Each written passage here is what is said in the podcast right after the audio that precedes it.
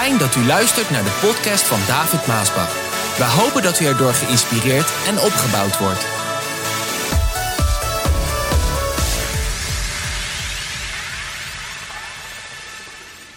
Over de wederkomst van Jezus Christus, daar gaat de bo- boodschap over. Vraag. Is het waar dat Jezus Christus terugkomt? Ik vind dat een hele goede vraag. Wat je misschien niet eens zo vaak meer hoort. Maar er zijn vele mensen die schrijven mij ook. En vaak dan lees ik wel een zin in die trant. Komt Jezus nog wel terug? Zo, ik heb een vraag. Is het waar dat Jezus Christus terugkomt? De man die wandelde bijna 2000 jaar geleden hier op aarde. Jezus Christus. Waarvan ook gewoon de wereld erkent dat hij geleefd heeft. Of hij de zoon van God is of de Messias, dat is een hele andere zaak. Maar in het algemeen gelooft men dat Jezus Christus geleefd heeft. Daarom praat men over voor Christus en na Christus. In de algemene vorm, ook in de geschiedenisboeken. En hij die wandelde hier op aarde, die wonderen deed, die genezingen deed. Is het waar dat hij terugkomt? Ho, ho, ho. Wat zeg jij? Wat zegt u? Oh, echt waar?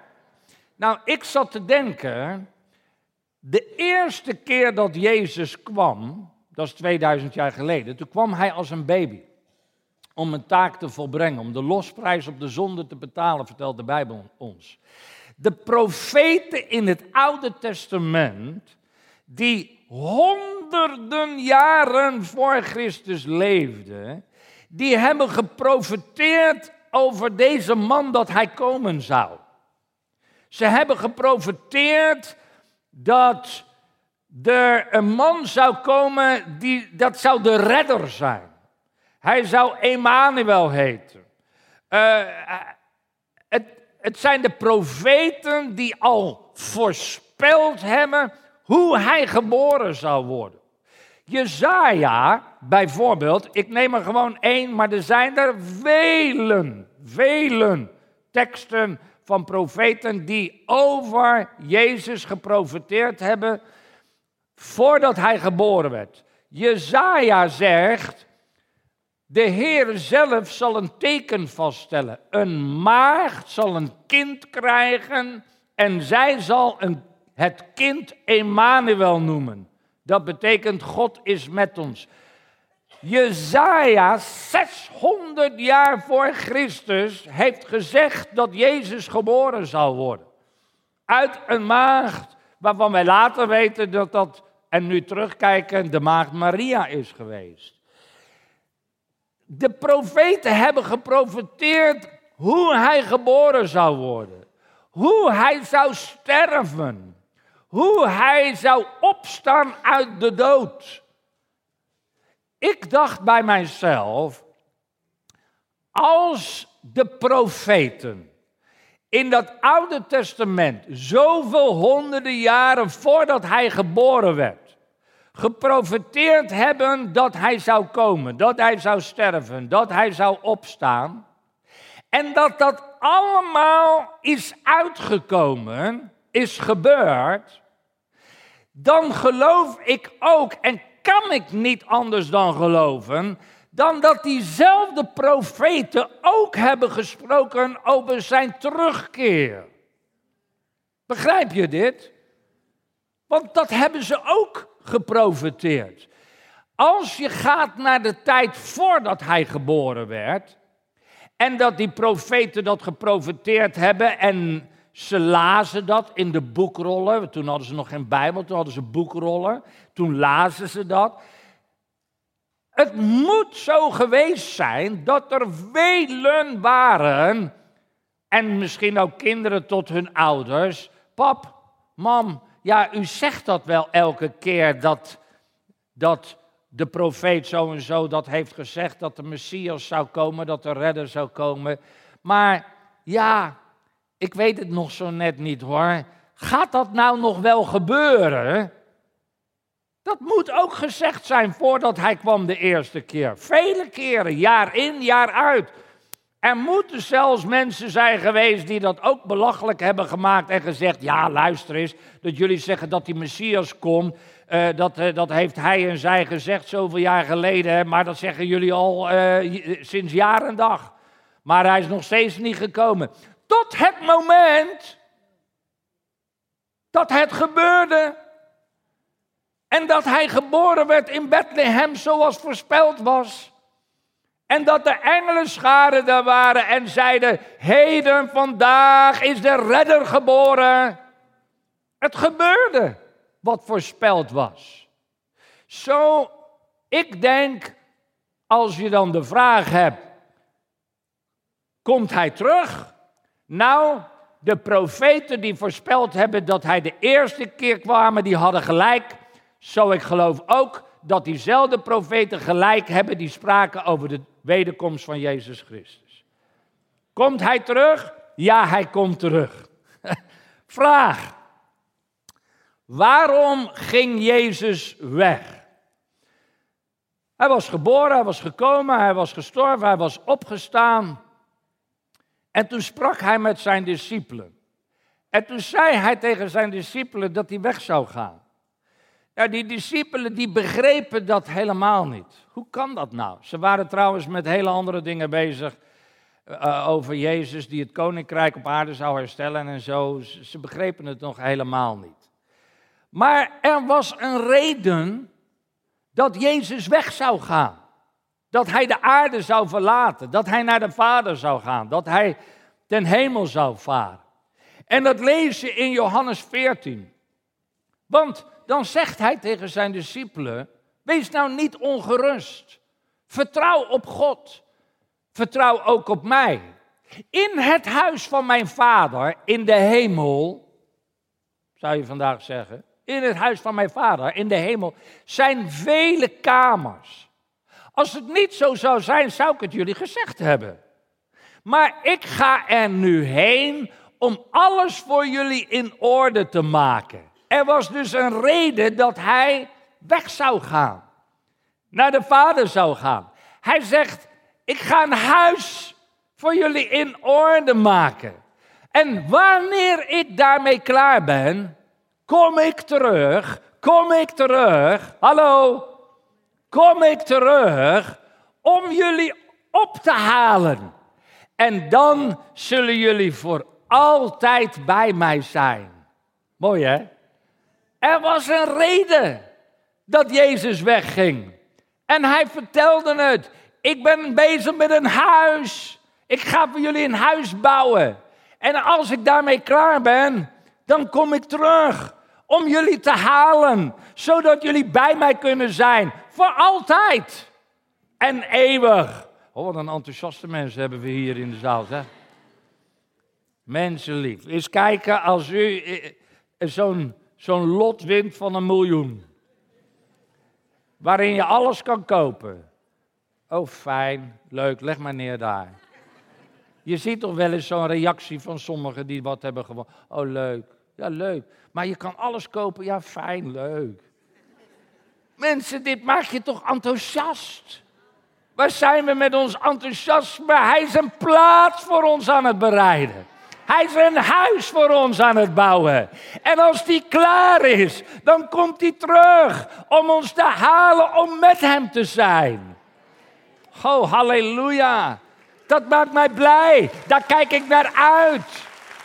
Dat is waarom hij naar de hemel ging. Maar er was nog iets anders, uh, lieve mensen. En dat was iets belangrijks.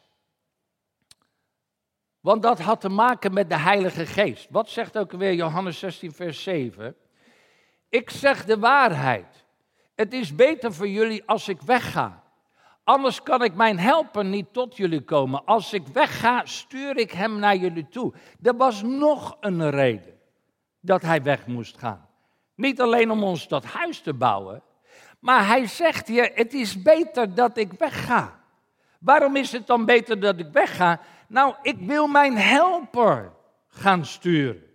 Maar die helper, die kan ik niet sturen als ik niet wegga. Hij was de enige die de Heilige Geest kon zenden. Die zijn helper kon sturen. Hij moest weggaan om zijn helper te sturen. Het was dus belangrijk dat de Heilige Geest, die op Jezus kwam toen hij gedoopt werd op aarde, want dat weet u toch, toen zijn bediening begon, toen liet hij zich dopen door Johannes de Doper, zijn neef. En toen hij zich liet dopen, toen kwam de Heilige Geest als een duif op hem. En diezelfde Heilige Geest die hem kracht gaf om in zijn bediening zijn bediening te vervullen, die wilde hij dat ook op al zijn discipelen zou komen, al zijn volgelingen zou komen.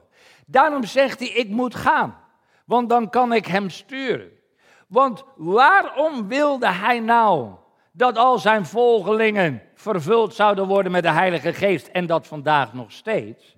Dat had te maken met een gigantische opdracht die hij gaf aan zijn discipelen en ook aan de kerk van vandaag. Hij zei in Marcus 16, vers 15: Trek de wereld in en vertel aan de hele schepping het goede nieuws over mij. Dit is een hele grote opdracht als je die krijgt. Ik vraag me af hoeveel van Gods kinderen die opdracht persoonlijk hebben genomen, zoals Jezus het bedoeld heeft. Toen hij zei: trek de wereld in en vertel de hele schepping over mij, dat dat de mensen het weer in orde met God kunnen maken. Dat is een hele grote opdracht. Die kan je niet vervullen zonder de kracht van de Heilige Geest in en over en door je leven. Daarom zei hij: Ik moet heen gaan, want jullie hebben de Heilige Geest nodig, net als ik. En ik zal hem zenden, want je hebt hem nodig om deze grote opdracht te vervullen. En dan zegt hij in Handelingen 1, vers 8, maar als de Heilige Geest op jullie neerkomt, zullen jullie kracht ontvangen om de waarheid over mij te vertellen.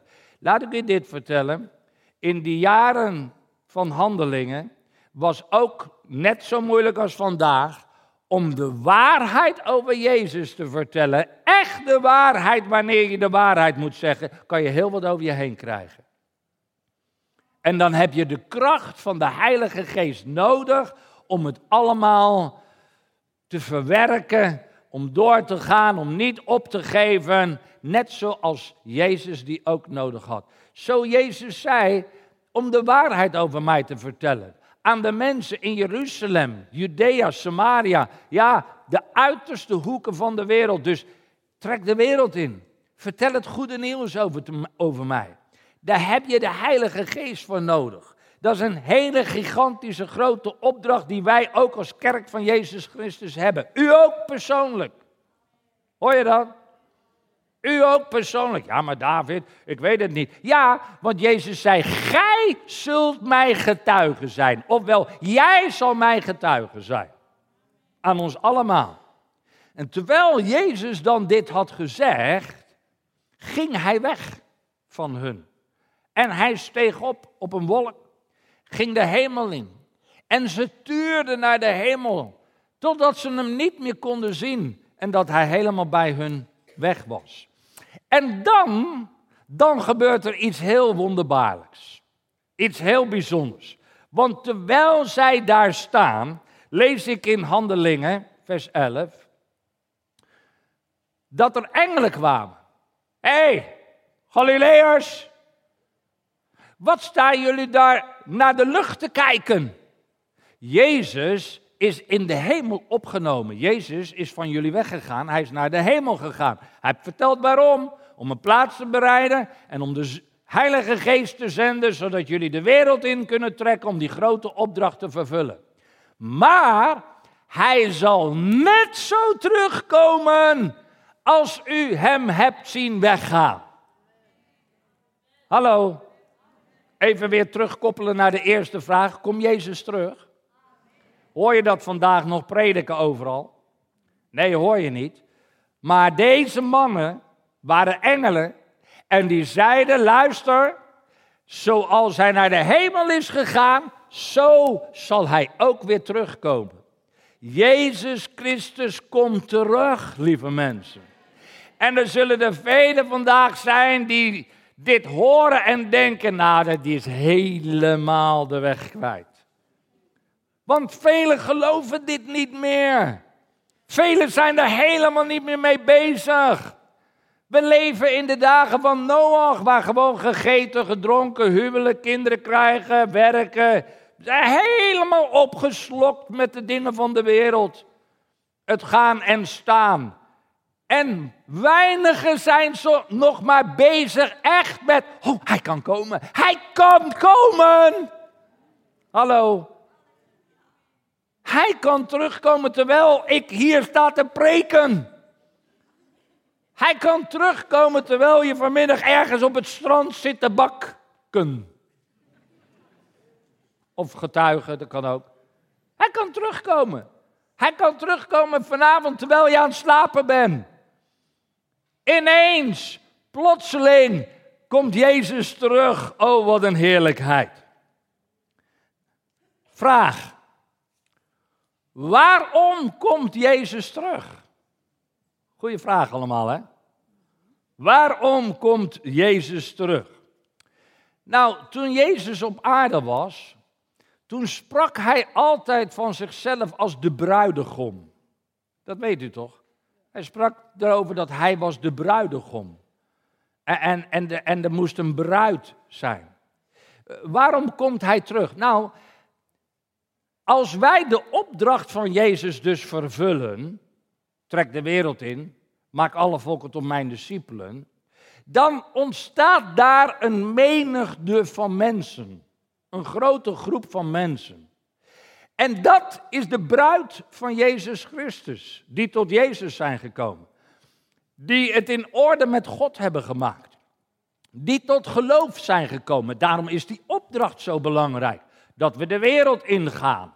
Niet alleen in, in, in Afrika en India, nee, gewoon ook hier in Den Haag en in Nederland, België, Europa, overal trekken we de wereld in op allerlei manieren om de mensen over Jezus te vertellen. Dat hij de bruidegom is, dat hij terugkomt, dat de mens zich gereed moet maken. Die menigte is de bruid. Dat is waar Jezus over spreekt, dat hij terugkomt om die menigte tot zich te nemen. Om zijn bruid te worden. En we lezen in openbaringen hoe dat dan eraan toe gaat. Dat bruiloftsmaal, die bruiloftsplechtigheid. Laten we blij zijn en juichen en hem eren. Want de tijd van de bruiloft van het lam, dat is Jezus, is aangekomen. En zijn bruid staat klaar. Dat zijn al die mensen die bij hem zijn, die hij heeft meegenomen toen hij terugkwam en hen ontmoette in de lucht, meegenomen heeft naar de hemel, om die bruid te trouwen, zeg maar.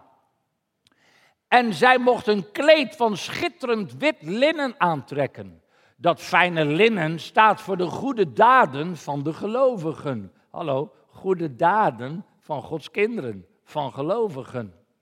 De engel zei tegen mij: schrijf op. Gelukkig zijn de mensen die uitgenodigd zijn voor het bruiloftsmaal van het lam. En hij voegde eraan toe: dit zegt God die altijd de waarheid spreekt. Lieve mensen, die bruid zijn wij. Hallo, die bruid zijn wij. En de vele medegelovigen in de wereld die tot hem zijn gekomen, omdat wij de grote opdracht vervullen door de kracht van de Heilige Geest. Openbaringen 7 zegt het zo. Daarna zag ik een ontelbare menigte mensen, dus een hele grote menigte, die door die grote opdracht tot Jezus zijn gekomen. Heb je jezelf ook afgevraagd dat wie tot deze menigte is gaan behoren doordat u een getuige was? Doordat u uitging? Doordat u ze over Jezus vertelde, doordat u ze tot bekering heeft gebracht, doordat u ze tot Jezus heeft gebracht, heeft u dat ook wel misschien eens over nagedacht? Hoeveel mensen zijn er nu in de hemel of komen in de hemel doordat u die opdracht heeft vervuld? Die Jezus gaf, trek de wereld in, vertelde mensen over mij. Hoeveel zielen heeft u tot Jezus gebracht? Hele korte vraag. Hoeveel zielen heeft u tot Jezus gebracht? Door uw getuigenis, door een blad nieuw leven, door een uitnodiging, noem maar op. Ga daar eens over nadenken. En als dat nul is, dan moet je nog maar eens verder gaan nadenken. Of dat u voldoet aan de grote opdracht die Jezus heeft gegeven. Maar er was een grote menigte. Ze kwamen uit alle rassen, volken, stammen en taalgroepen. Ze stonden voor de troon en voor het lam met witte klederen aan en palmtakken in de hand. En ze riepen luid, onze redding komt van onze God, die op de troon zit en van het lam. Vraag. Wanneer gaat dat allemaal gebeuren? Dat is ook een goede vraag. Wanneer gaat dat allemaal dan gebeuren, David? Daar zaten de, zaten de discipelen ook mee. Die, die, hadden over, die hadden van Jezus gehoord dat hij weg zou gaan. Dat begrepen ze al niet. Hij probeerde het uit te leggen. Maar Jezus sprak ook erover dat hij terug zou komen. Als je na kan gaan dat hij sprak dat hij zou sterven en binnen drie dagen zou opstaan. Weet u nog? Ook dat begrepen ze niet. Zo, de mensen begrepen het toen niet en velen begrijpen het nu ook niet. Maar Gods kinderen behoren deze dingen te begrijpen. En als je het niet begrijpt, bid de Vader dan, Heer, geef mij licht door uw Heilige Geest over deze dingen. En bezoek de Bijbelstudies. Ga kennis krijgen uit de Bijbel van deze zaken. Want een gewaarschuwd mens stelt voor twee. Wanneer gaat dat dan allemaal, allemaal gebeuren? En de discipelen die begrepen dat ook niet. Dus zeggen zij in Matthäus 24, vers 3, wanneer zal dat gebeuren, vroegen de leerlingen. Toen hij met hem op de helling van de olijfberg zet. Waaruit kunnen wij nou opmaken dat u terugkomt en dat deze tijd naar zijn einde loopt? Hoe kunnen we het dan weten? Dat is een hele goede vraag eigenlijk van hun. Hun dachten dat hij gelijk al zou wederkomen. Hè? Hup, Bob, vanuit de hemel gelijk weer naar beneden. Maar zo is het natuurlijk niet. Hoe, hoe, hoe weten wij dat dan? En dan, als zij dus deze vraag stellen, dan geeft Jezus een heel aantal tekenen. Hij noemt geen jaartal, hij noemt geen maand, geen dag, want de Bijbel zegt niemand kent de dag, niemand weet het. Zo, hij geeft tekenen van tijd. En dan spreekt hij over oorlogen, aardbevingen, pestilenties hè, of ziekteepidemieën. Nou, ik, ik, laat ik dit zeggen. Er zijn door alle eeuwen heen aardbevingen geweest. Er zijn door alle eeuwen heen ziekteepidemieën geweest. Het zijn vroeger wat minder, want de mensen leefden niet zo op elkaar. En, en je had geen vliegtuigen en automobielen, zodat de mensen zich mingelden onder elkaar. Zo, het was minder. Maar er zijn aardbevingen geweest. En er zijn oorlogen. Oorlogen zijn altijd geweest door alle eeuwen heen. Maar als je goed kijkt en luistert, zijn er nog nooit zoveel intensieve en oorlogen, aardbevingen, allemaal achter elkaar geweest als de dagen van vandaag. Dat is een teken. Elke keer als je die dingen ziet, is dat een teken. Wat is dat dan voor teken? Nou, de teken dat Jezus heeft gezegd dat de tijd nabij is dat hij terug zal komen. Maar, zegt hij telkens erbij, dat is nog niet het einde. Als je dat ziet, is nog niet het einde. En dan, dan geeft hij ineens een ultieme teken van zijn wederkomst. En dan zegt hij in vers 14, het goede nieuws over het koninkrijk van God zal overal ter wereld worden gebracht, zodat alle landen het zullen horen. En dan zal het einde komen. Zie je dat? Toch duidelijk.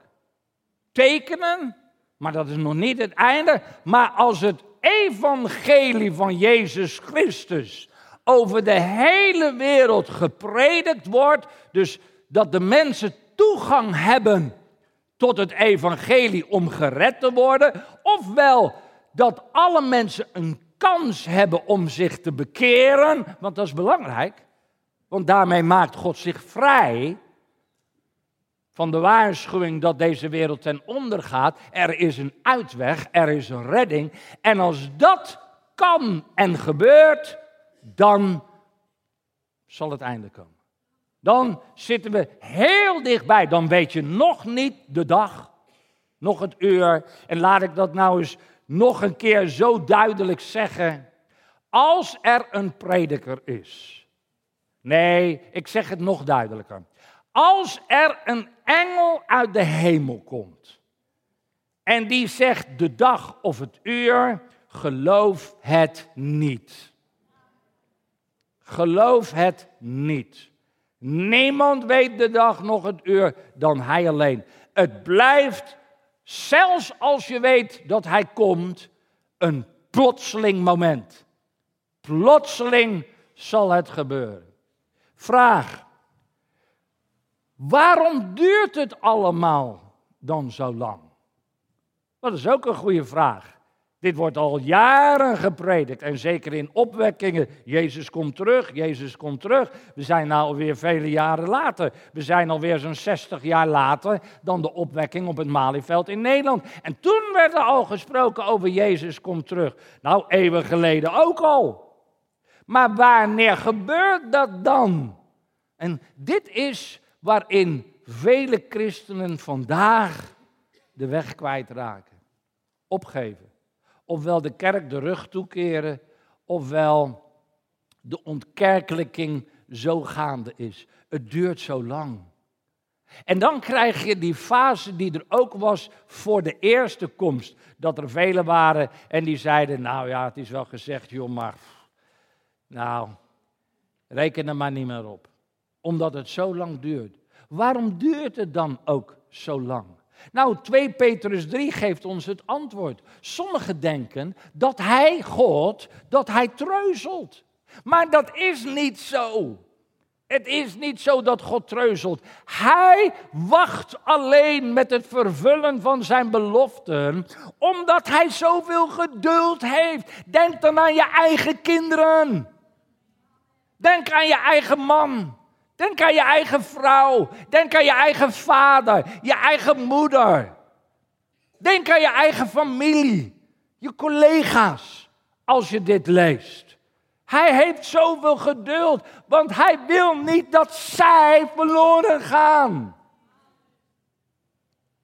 Maar dat alle mensen tot bekering komen. Hij wil dat ze zich bekeren. Er is nog tijd. Ze kunnen zich nog bekeren als je maar niet opgeeft om voor hun te bidden. Als je maar niet opgeeft om die grote opdracht te blijven vervullen. Probeer en kijk op welke manier je ze toch tot Christus kan brengen. Ja, maar David, ze willen er niks van weten. Het wordt alleen maar ruzie als ik het daarover heb. Bid, strijd. Vraag de Vader, oh God, neig toch hun hart, geef me een opening. Dat ik kan praten over uw liefde en over uw genade. Want God wil niet dat ze verloren gaan. Daarom is hij nog niet wedergekomen. Daarom duurt het zo lang. Want wij zeggen misschien, voor mij mag het nu gebeuren. Maar wat dan aan al degenen die verloren gaan? Alleen, er komt een moment, en dat zie je vandaag, dat kantelpunt zijn we voorbij, dat er meer tot bekering komen dan afvallen. Daar spreekt Jezus trouwens ook over. Als die de tijd niet verkort, blijft er niemand over. Zo, er komt een moment, dan is de volheid daar. En dan ineens zal het gebeuren. Vraag. Als het dan zover is, hoe gaat dat dan? Waar allemaal over gesproken is dat Jezus zal terugkomen. Als het punt dus is aangebroken, eindelijk, zou je zeggen voor ons. Maar hoe gaat dat dan? Nou, Paulus die zegt in 1 Korinthe hoe dat gaat. Wat ik u nu vertel, heeft God tot nu toe verborgen gehouden. Wij, dat was 2000 jaar geleden, dus in het hele Oude Testament verborgen gehouden. Wij, en de afgelopen 2000 jaar, wij weten hoe het gaat. Dus niet alleen nu, maar in dat Oude Testament, zegt Paulus, dat heeft God verborgen gehouden. Wij als gelovigen zullen niet allemaal sterven. Daar bedoelt hij niet direct zichzelf mee als gelovige, maar als gelovige ook in deze tijd wanneer hij zal komen. Wij zullen niet allemaal sterven, maar wel allemaal in een oogwenk een nieuw lichaam krijgen op het moment dat de laatste bazuin klinkt. Ja, er zal een machtig geluid van een bazuin te horen zijn. Luister, plotseling, wanneer je het niet verwacht, ineens is de bezuin daar. En dan gaat dit allemaal in werking. En dan worden wij die in hem geloven, trouw zijn gebleven, van hem zijn blijven houden, zijn geboden zijn, hebben onderhouden. Wij krijgen in een oogwenk, nou je moet maar even knipperen, knipperen is één keer met je ogen. Nou, het is al gebeurd. In een oogwenk krijg je een ander lichaam, een verheerlijk lichaam. Ja, er zal een machtig geluid van een bezuin te horen zijn. Dan zullen de doden levend worden gemaakt met een onvergankelijk, dus een verheerlijkt, een ander lichaam. En ook wij, wij zullen een nieuw lichaam krijgen. Ons vergankelijk, sterfelijk lichaam zal verwisseld worden voor een onvergankelijk, onsterfelijk lichaam. Dus bij de terugkeer van Jezus, en dan heb ik het niet de terugkeer dat hij op de olijfberg zal nederdalen. Om het duizendjarig vrederijk te regeren. Nee, de terugkeer zoals hij ten hemel ook is gegaan, dat wij hem tegemoet gaan. Halverwege. Dan staan eerst de doden op. In een oogwenk krijgen zij een nieuw lichaam. Gaan de hemel in. En wij in dezelfde tijd gaan vanuit hier ook, hoe dan David? Ja, eh, vraag mij niet hoe. Ik weet het niet hoe. Hoe moet ik het weten? Ben ik God? Nee toch? Vraag me ook niet hoe ik een auto uit elkaar en in elkaar moet zetten om te rijden. Laat mij hem uit elkaar halen, dat kan ik. Maar dan rijdt hij ook nooit meer. Maar als, die, als je zo'n mechanic vraagt, die weet dat zo is het ook hij. Hij weet hoe het moet. In een oogwenk gaan wij die dan nog leven, plotseling hem tegemoet, samen met de doden, worden ook veranderd. En krijgen een verheerlijk, onvergankelijk lichaam. Ja, maar David, dat snap ik helemaal niet. Dat, is zo raar. Maar zo'n verhaal lees je ook in de Bijbel in het Oude Testament. Met Elia en Elisa. Als zij dan daar wandelen, dan is het Gods bedoeling om Elia op te nemen in de hemel. En dan lees je dat er een vurige wagen met vurige paarden komt en die neemt hem mee de hemel in. Plotseling werd daar dat veranderd. Zijn lichaam werd veranderd, kreeg een, een verheerlijkt, een hemels lichaam en ging de hemel uh, binnen. Die verandering is dus niet zo raar als je dat dan leest. En als je het nu wil weten, ik weet niet hoe het gaat, maar het gebeurt. En in 1 Thessalonicense gaat Paulus ook wat verder. Hij zegt over wat er nou gebeurt. Hè? Met christenen die sterven. Want sommigen zitten daarmee. Ja, maar mijn geliefde die gestorven is. Uh, Oké, eh, willen we je niet in onzekerheid laten? Je hoeft over hun geen verdriet te hebben, zoals de mensen die zonder hoop leven. Als zij in Christus ontslapen zijn, hoef je helemaal niet verdrietig te zijn. En helemaal niet als ze zo oud zijn als mijn moeder. En dat bedoel ik niet verkeerd. Maar er zijn begrafenissen, man, van mensen die in hem helemaal ontslapen zijn. Hem gediend hebben, gehoorzaamd, helemaal vol glorie ontslapen zijn. En dan hebben ze een rouwdienst wat alleen maar ellendig en rouwig en zwart is. Dat is niet wat u wil, u wil een dankdienst. Het wordt moeilijker als je praat over kinderen, over baby's. En dan nog, als je de hoop hebt waar Paulus over spreekt. Gaat je kind, is ons voorgegaan en groeit op in de hemel, waar wij hen weer zullen ontmoeten. Zo je kinderen die van christen ontslapen zijn, wees niet bedroefd. Wees dankbaar. Ze zijn daar waar wij ook heen gaan. En ze hoeven al deze ellende hier op aarde niet te dragen zoals wij, waar wij nog heen moeten.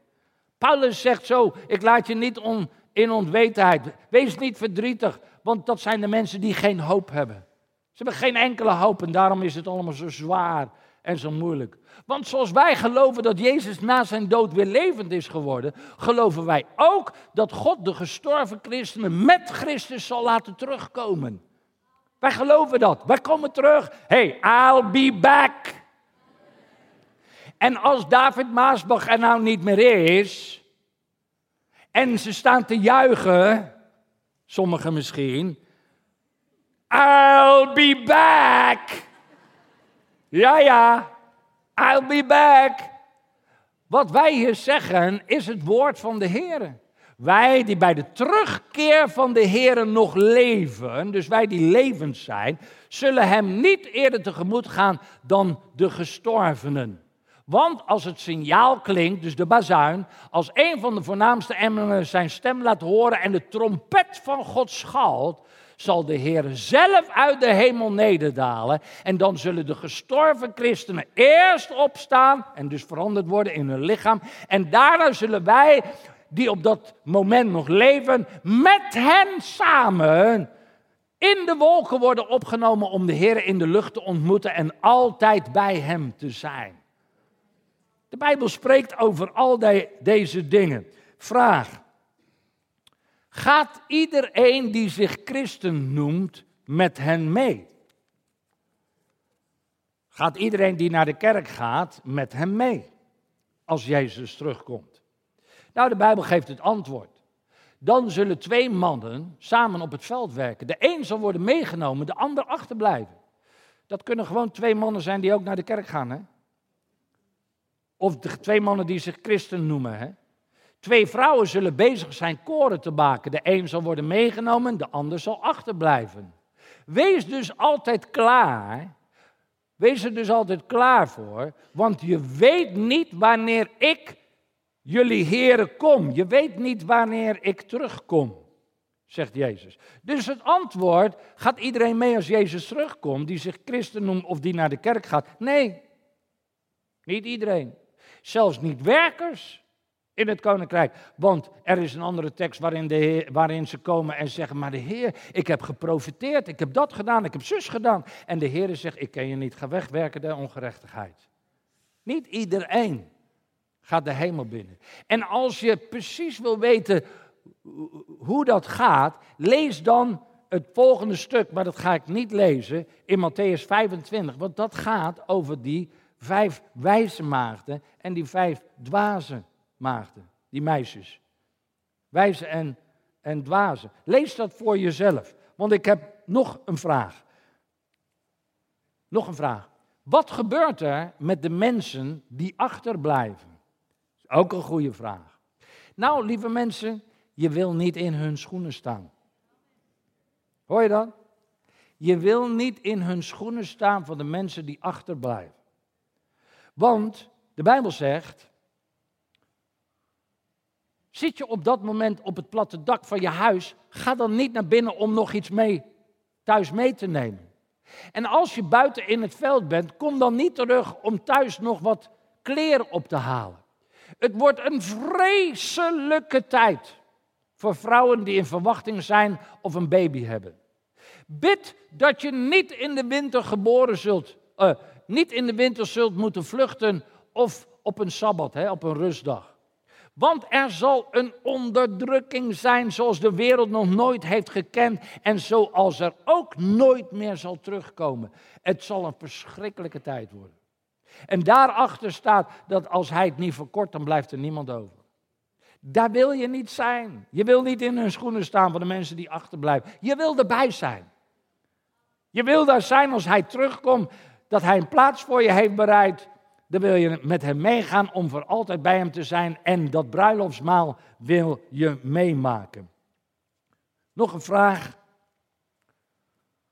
Wat moet ik doen om erbij te zijn als Jezus terugkomt? Nou, Johannes 3 geeft ons een eenvoudig antwoord. Jezus antwoordde: luister. Wie niet opnieuw geboren wordt, kan het koninkrijk van God niet ontdekken. Opnieuw geboren worden? Hoe kan dat? Kan iemand toch niet voor de tweede keer in zijn moeders lichaam geboren worden? Nee, toch is het zoals ik zeg. Niemand kan het koninkrijk van God binnengaan als hij niet, als zij niet geboren wordt uit water en geest. Uit mensen komt menselijk leven voort, maar uit de geest Gods komt geestelijk leven voort. Het is dus helemaal niet zo vreemd dat ik zeg, je moet opnieuw geboren worden. Want de wind waait waarheen hij wil, je hoort hem wel, je weet niet waarheen, waar hij vandaan komt en waar hij heen gaat. Zo is het ook met iemand die uit de geest van God, iemand die een christen wordt. Als Jezus zegt, wanneer je niet opnieuw geboren wordt, kan je het koninkrijk van God binnengaan. Dan moet je toch niet denken dat je erbij zal zijn als Jezus terugkomt. Dat kan niet. Zo dan blijf je achter. De mensen moeten opnieuw geboren worden. Ofwel, ze moeten een christen worden. Ze moeten helemaal nieuw worden. Ze hebben een redder nodig om hen te verlossen van de zonde. En dat doet Jezus. Dat is de boodschap waarvan Jezus heeft gezegd: trek de wereld in, vertel de mensen. Dat ze het in orde kunnen maken. En dan zegt Korinthe nog heel mooi: als u een christen wordt, wordt u van binnen helemaal nieuw.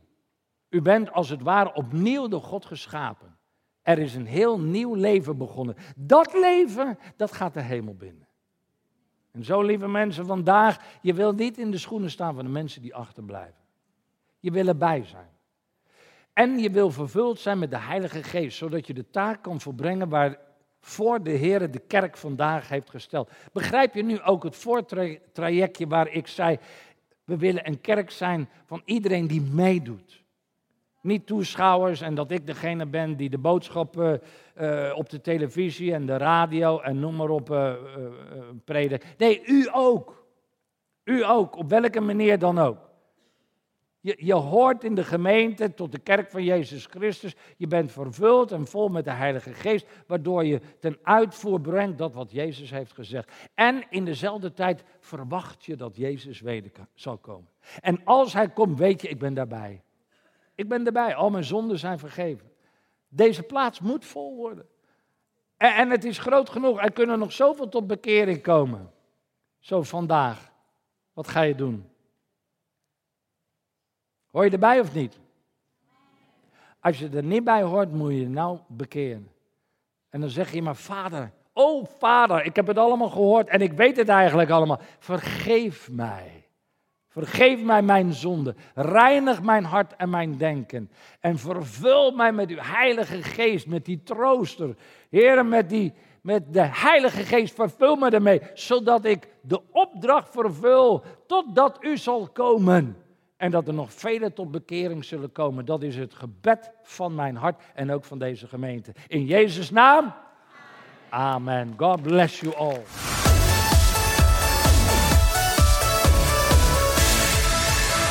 Bedankt voor het luisteren naar deze podcast.